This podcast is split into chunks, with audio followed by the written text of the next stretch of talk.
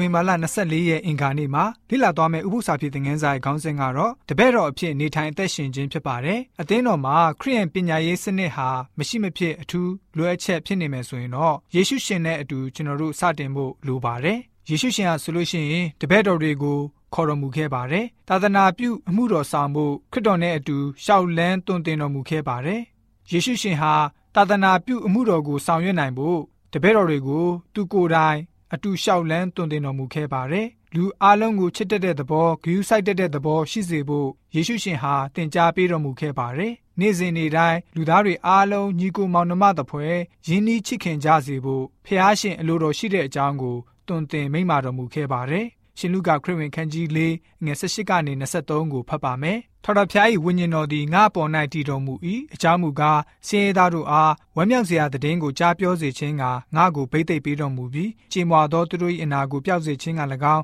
ဖမ်းသွားချုပ်ထားလျက်ရှိသောသူတို့အားလွတ်ခြင်းအကြောင်းနှင့်မျက်စိကန်းသောသူတို့အားမျက်စိမြင်ပြန်ခြင်းအကြောင်းကိုပြစေခြင်းက၎င်းညှင်းဆဲခံရသောသူတို့ကိုကယ်မစေခြင်းက၎င်းထာဝရဘုရား၏မင်္ဂလာနှစ်ကာလကိုကြားပြောစေခြင်းက၎င်းငါ့ကိုဆိလွတ်တော်မူပြီးဟုလာသည်ကျမ်းစာကိုလက်၍ဇရေဆောင်အားပေးပြီးမှ ထိုင်တော်မူ၏ဇေယျ၌ရှိသောသူအပေါင်းတို့သည်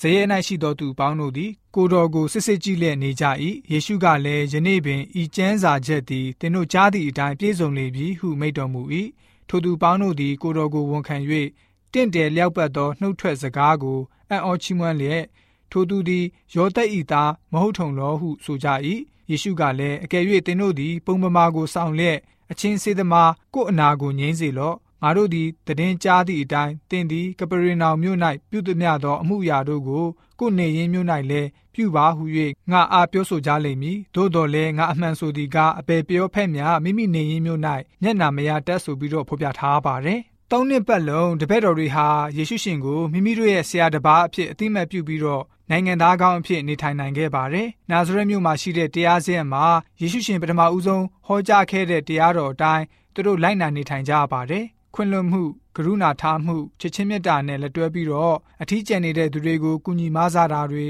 ဒုက္ခရင်ဆိုင်နေရတဲ့သူတွေကိုကူညီဆောင်မတာတွေဖြစ်ပါတယ်။ကူညီဆောင်မတာတွေကိုသူတို့လှုပ်ဆောင်ခဲ့ရပါတယ်။အဲ့ဒီစီကံနီးလန်းတွေကိုတပည့်တော်တွေဟာပေါ့ပေါ့တန်တန်မတတ်မှတ်ခဲ့ပါဘူး။တသက်တာလုံးအတွက်တပည့်တော်ဖြစ်ခြင်းကိုထိမ့်သိမ်းဖို့ဖြစ်ပါတယ်။တည့်ရက်တဲ့အတွက်မဟုတ်ပါဘူး။တပည့်တော်တွေကိုယေရှုရှင်ကိုယ်တိုင်အမိန်ပေးဆေလွတ်တဲ့အရာကတော့ ယုံကြည်သူအားလုံးအတွက်ပါဒီကမ္ဘာလောကကုံဆုံးတဲ့အချိန်ထိအကျုံးဝင်ပါတယ်။ကောင်းကင်ကနေတွန်းလောင်းတော်မူတဲ့ဝိညာဉ်တကူကိုအင်းဝင်ကလေးအမှုတော်ဆောင်တွေအနေနဲ့ယုံကြည်ကိုးစားဖို့ဖြစ်ပါတယ်။ခရစ်တော်ရဲ့ဘဝကိုလက်ခံရရှိတဲ့သူဟာအခြားသူအတွက်ကယ်တင်ခြင်းဆက်လက်လှုပ်ဆောင်မှုဗိသိက်သွင်းခြင်းခံကြရပါတယ်။အသင်းတော်ကိုတည်ထောင်ရခြင်းအကြောင်းကတော့ကယ်တင်ခြင်းလုပ်ငန်းအတွက်သာဖြစ်ပါတယ်။တန်ရှင်းတဲ့ဂရိတစ္ဆာပြုပါဝင်လှုပ်ဆောင်သူတိုင်းဟာခရစ်တော်ရှင်ရဲ့လှုပ်ဖို့ဆောင်ဘက်တွေဖြစ်ကြပါတယ်ဆိုပြီးတော့ ဝိညာဉ်တော်စာပေဖြစ်တဲ့ Egypt White The Desires of Ages စာမျက်နှာ822ကဖော်ပြလိုထားပါတယ်။ယေရှုရှင်ရဲ့တပည့်တော်တွေအဖြစ်ယနေ့ကျွန်တော်တို့ဟာယေရှုနဲ့မိသားရဖွဲ့တာယေရှုရှင်ကိုကိုးကွယ်ခြင်းရဲ့ဗဟိုမှာဖြစ်စေရပါမယ်။ယေရှုရှင်နဲ့မိသားရဖွဲ့တဲ့အပြင်ယေရှုရှင်ကိုကိုးကွယ်ခြင်းရဲ့ဗဟိုအဖြစ်ဖြစ်စေရပါမယ်။တပည့်တော်တွေကိုစတင်မွေးထုတ်တဲ့ယေရှုရှင်ရဲ့အမှုတော်ကိုပြန်ပြီးတော့တတိယကြည့်ပါ။ သူ့ရဲ့အချိန်ကာလမှာရဘိဆရာတွေပေါများနေတဲ့ကြားကနေအမျိုးသားအမျိုးသမီးတွေကိုသူ့ရဲ့နောက်ကိုလိုက်ဖို့ခေါ်တော်မူခဲ့ပါတယ်။အဲ့ဒီခေတ်ကရဘိဆရာတွေဟာ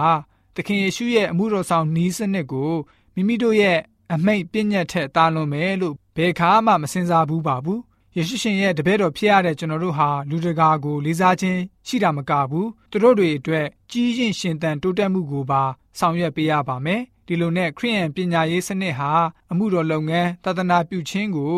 အဓိကထားကြရမှာဖြစ်ပါတယ်။အသက်ရှင်နေထိုင်မှုအတွက်သာမဟုတ်ဘဲနဲ့သခင်ယေရှုခေါ်တော်မူခြင်းအကြောင်းကိုအလေးထားပြီးတော့ပါဝင်ဆောင်ရွက်ရပါမယ်။ခရစ်တော်ရဲ့ခြေတော်ရာအတိုင်းလိုက်လျှောက်ပြီးတော့အမှုတော်ကိုလိုအပ်နေတဲ့သူတွေစီကိုဖြန့်ချီပေးရမှာပဲဖြစ်ပါတယ်။ ပြီးတော့တည်င်းကောင်းနဲ့အင်ဝင်ကလေးကိုလည်းပဲပြောကြားတတ်သိခံကြရပါမယ်ဆိုပြီးတော့အင်ကာနဲ့ဥပု္ပ္ပစာဖြေသင်ခန်းစာကဖော်ပြထားပါတယ်။